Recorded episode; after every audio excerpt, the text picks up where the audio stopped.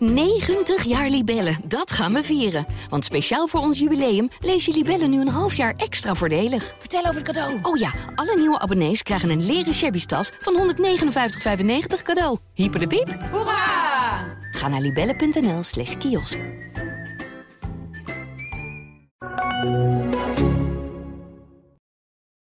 Toen ik begon aan deze podcast had ik verwacht dat mensen makkelijk op de praatstoel zouden gaan zitten. De zaak is inmiddels al 25 jaar geleden. Ik dacht dat het stof misschien wel wat was neergedwarreld. Dat mensen dachten, na al die jaren kan ik er wel iets over zeggen.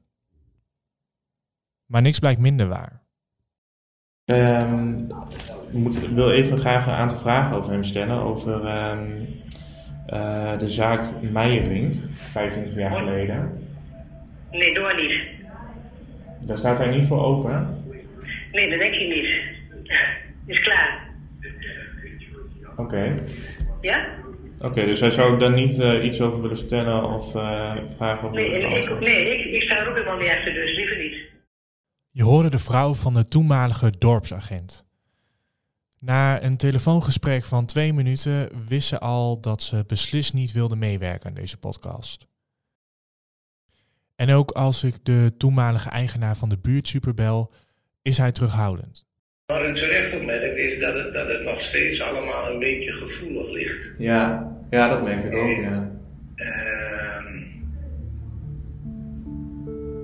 vandaar dat mijn twijfel of ik daar aan mee moet werken. En hij is niet de enige. Iedereen die ik spreek over Beckham is terughoudend. Bijna angstig om er iets over te vertellen. De zaak roept nog steeds heftige emoties op en mensen praten er liever niet over. Maar waarom ligt deze zaak nog steeds zo gevoelig? En wat is er toch gebeurd die zomeravond in 1997? Dit is aflevering 2 van de zaak Beckham, genaamd De Mishandeling. Mijn naam is Ramon Kunst en voor Tubantia onderzoek ik deze zaak.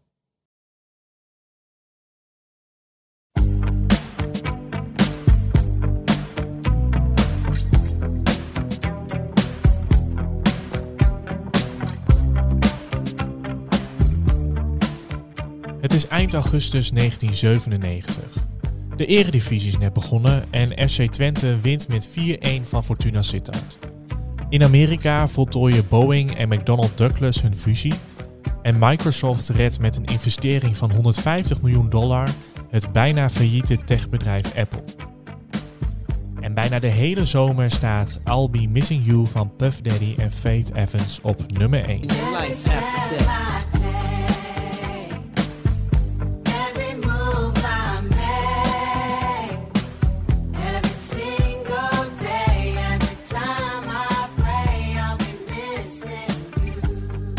Maar in Enschede spelen er andere zaken. Een seksbranche die steeds gewelddadiger wordt bijvoorbeeld. En zoals we in deze aflevering merken, onschuldige slachtoffers maakt. Samen met collega Erwin heb ik afgesproken met Peter. We kunnen zijn achternaam niet noemen, omdat hij inmiddels werkzaam is bij het TGO, het Team Grootschalige Opsporing. Dat is een team van rechercheurs dat zware misdrijven onderzoekt. Maar 25 jaar geleden werkte Peter nog op straat als politieagent. En hij is betrokken geweest bij de zaak Beckham. Want hij had dienst in de nacht van de mishandeling.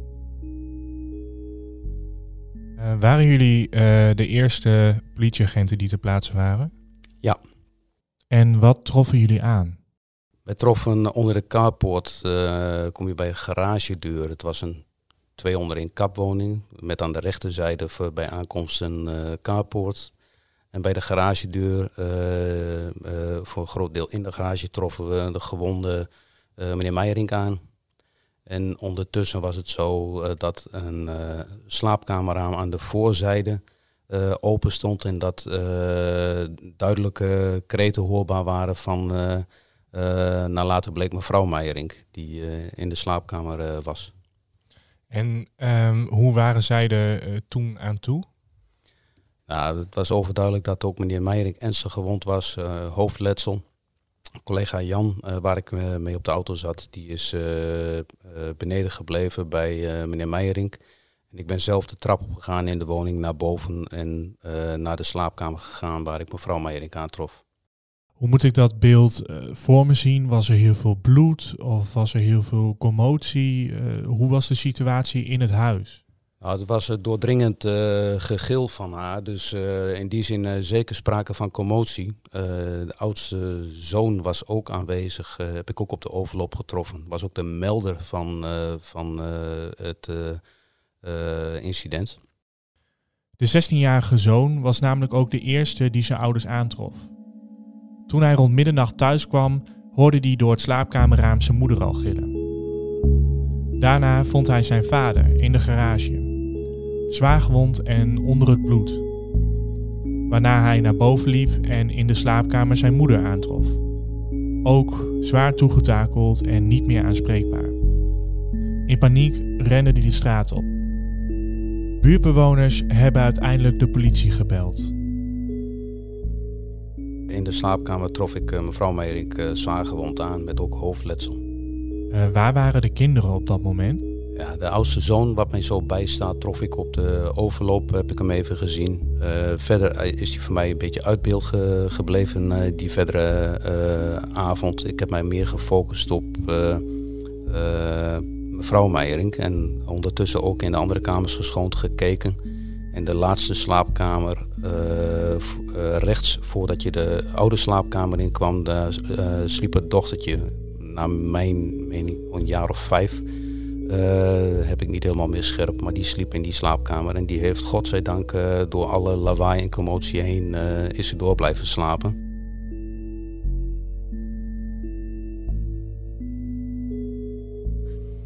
Pas na afvoer van eh, mevrouw Meijerink en eh, meneer Meijerink door ambulances die we te plaats hadden laten komen, hebben we haar eh, uit de slaapkamer heb ik erop gehaald, op de arm getild en is ze door blijven slapen terwijl ik haar naar de buren bracht waar ze werd opgevangen.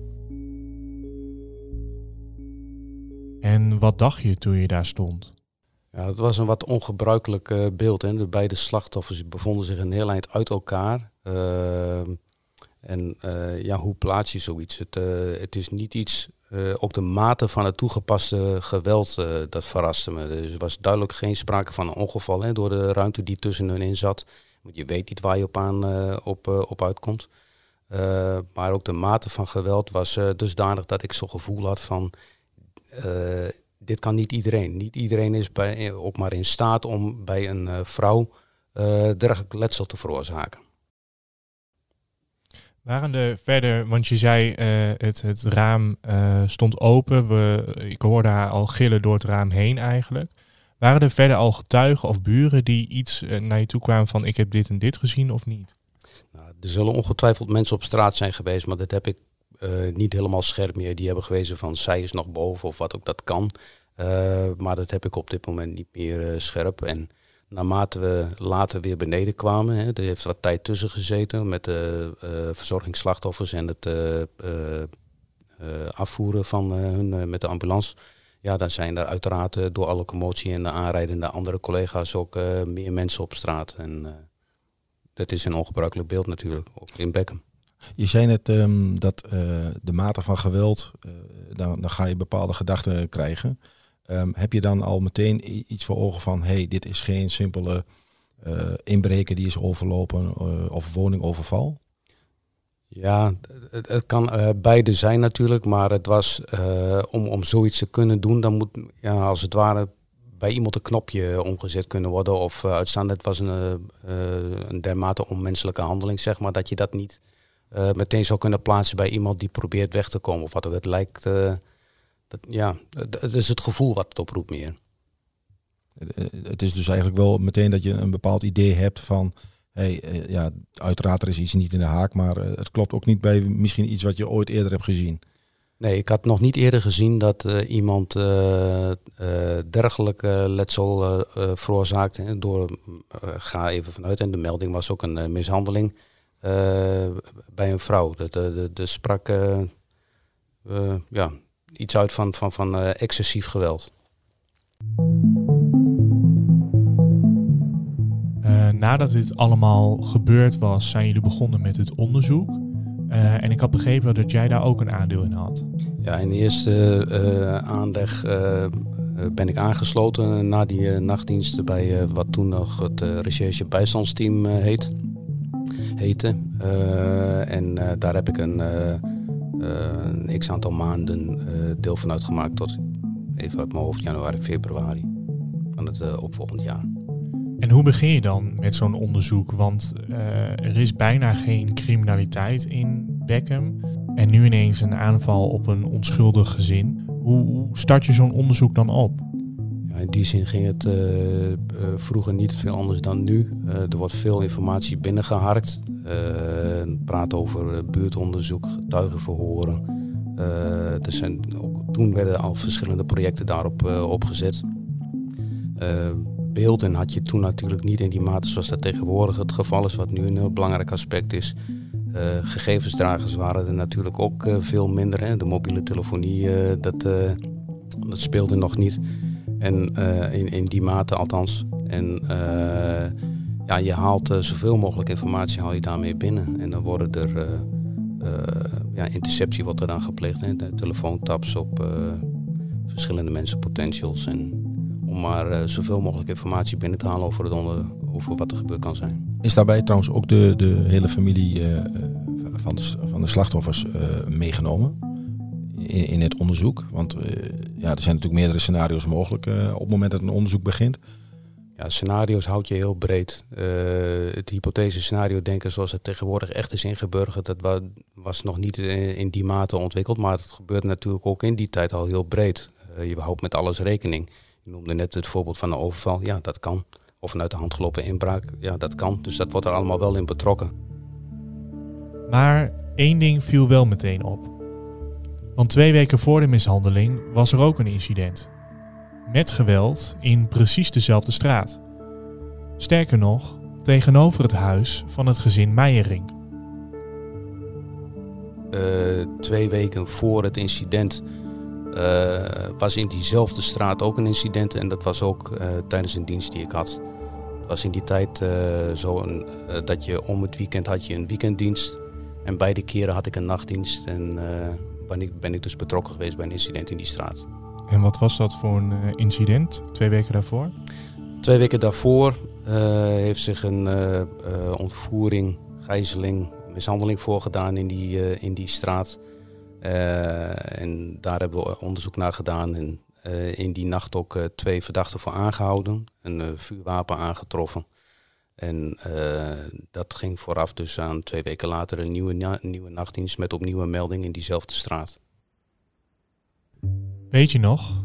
In aflevering 1 stond ik bij de voormalige seksclub Carousel. Bij de ontvoering en mishandeling waar Peter het over heeft, is de bedrijfsleider van die seksclub het doelwit. Het is een naam die telkens terugkomt als je het over Beckham hebt. Andreas K. In augustus 1997 woonde hij bij zijn moeder, tegenover de familie Meijering. Andreas zou ruim 40.000 gulden hebben gestolen van Braziliaanse prostituees. Een doodzonde in die tijd. En daarom kwamen er twee weken voor de mishandeling op het gezin ongenode gasten langs bij Andreas. Iets wat er niet zachtzinnig aan toeging. Hij werd samen met zijn acht maanden zwangere Braziliaanse vrouw en zijn moeder mishandeld en bedreigd. Ik wil 40.000 gulden van je hebben, zei een van de daders. Als ik die maandag niet krijg, dan blijft de opdracht staan aan de jongens om je kapot te schieten en kapot te maken. Dan wordt jouw familie één voor één uitgeroeid. Vervolgens werd K meegenomen naar Enschede, waar hij werd geschopt en geslagen. Ondanks zijn zware verwondingen, zoals een gebroken neus, wist hij vanuit een telefooncel de politie te bereiken. Maar aangifte deed hij niet. Andreas was te bang voor de gevolgen.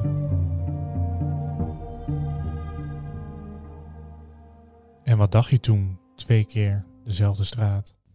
Ja, dat was natuurlijk frappant. Eh, eh, we kenden vanuit ons werk eh, Beckham als een ja, wat, wat op zichzelf betrokken gesloten dorpskern. Waar wij als politie eigenlijk eh, amper eh, naartoe hoefden voor meldingen. Eh, mensen regelden veel dingen onderling, dus we kwamen daar niet veel als politie. En Nu was toevallig twee keer sprake van een ernstig incident in ook nog eens dezelfde straat. Dus in mijn gedachten, meteen na het binnenkrijgen van die melding, maakte ik voor mezelf wel de koppeling dat dat mogelijk verband zou houden. Ehm, en heb ik ook eh, eh, collega's, de andere aanrijdende collega's gezegd van rekening te houden met mogelijk wapengebruik, omdat dat twee weken daarvoor ook was vastgesteld. Die link die jij meteen legde, is dat ook meteen on- onderzocht en meegenomen in het onderzoek?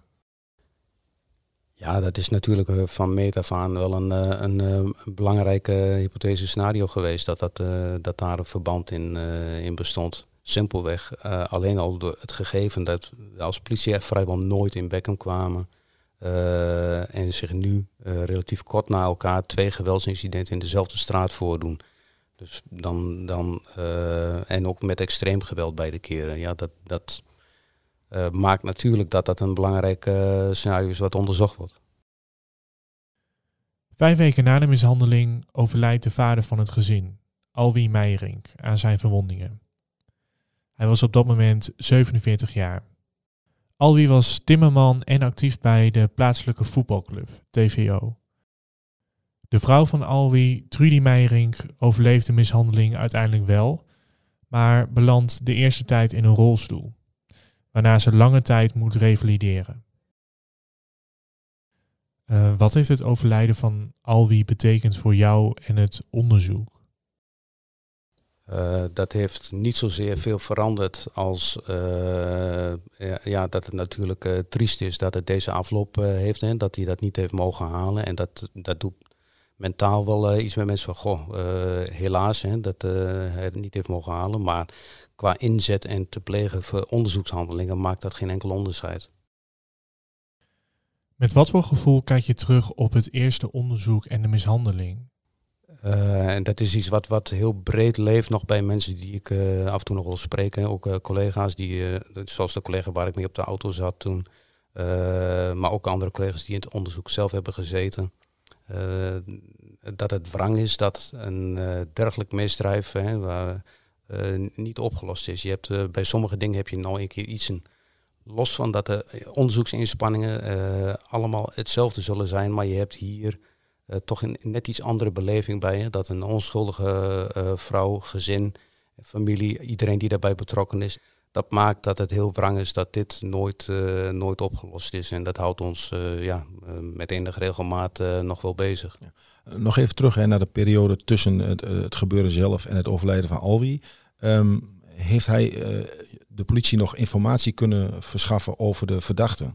Is hij aanspreekbaar geweest? Is hij op een bepaalde manier toch in staat geweest om, om iets van informatie te geven waar jullie mee verder konden? Nee, hij is, hij is wel aanspreekbaar geweest, maar niet in de mate dat daar ook maar van een verklaring sprake kon zijn die eh, iets voor ons eh, belangwekkends eh, En, en, brengen. en, en zijn vrouw? Naar mijn herinnering heeft, heeft zij geen, geen herinnering meer boven gekomen, zeg maar. Er is ook wel onderzocht van de effecten. Maar er is geen eh, herinnering boven gekomen die ons verder heeft kunnen helpen. De mensen die eh, zijn aangehouden voor die mishandeling twee weken voor de mishandeling op het gezin. Het lijkt me dat jullie die twee personen extra aandacht hebben gegeven. Ja, die zijn eh, zeker ook betrokken geweest in het onderzoek. Ja. Zaten zij vast op het moment dat het gezin mishandeld werd? Nee, ze zaten op dat moment niet, niet vast. Die hebben kort vastgezeten en is geen aangifte van geweest van die eerdere mishandeling. Eh, en die hebben eh, maar heel kort vastgezeten, waren vrij ten tijde van, eh, van dit delict. Zouden de daders zich vergist hebben? Domweg het verkeerde huis uitgekozen, waardoor een onschuldig gezin het slachtoffer werd in plaats van Andreas? Het is een scenario dat een maand later voor vier aanhoudingen zorgt. Maar ook voor nog een slachtoffer. Dit was aflevering 2 van de zaak Becker. In de volgende aflevering kijken we naar de eerste verdachten die zijn aangehouden. En zien we hoe het gruwelijk misgaat als een arrestatieteam een woning in Rotterdam wil binnenvallen. Vond je deze podcast leuk? Geef dan een recensie. Dat maakt ons beter vindbaar voor nieuwe luisteraars. Mijn naam is Ramon Kunst en ik werk samen met collega's Erwin Wanus en Maarten Schoon aan deze podcast.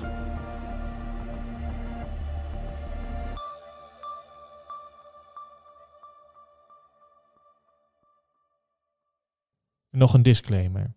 In deze serie volgen we het scenario van de seksbranche, maar dit is niet het enige mogelijke scenario.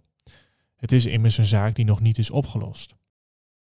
Het seksbranche scenario is wel het meest aannemelijk en wordt ook door de politie als hoofdscenario behandeld. 90 jaar Libellen, dat gaan we vieren. Want speciaal voor ons jubileum lees je Libellen nu een half jaar extra voordelig. Vertel over het cadeau. Oh ja, alle nieuwe abonnees krijgen een leren shabby tas van 159,95 cadeau. Hyper de piep. Hoera! Ga naar libellen.nl slash kiosk.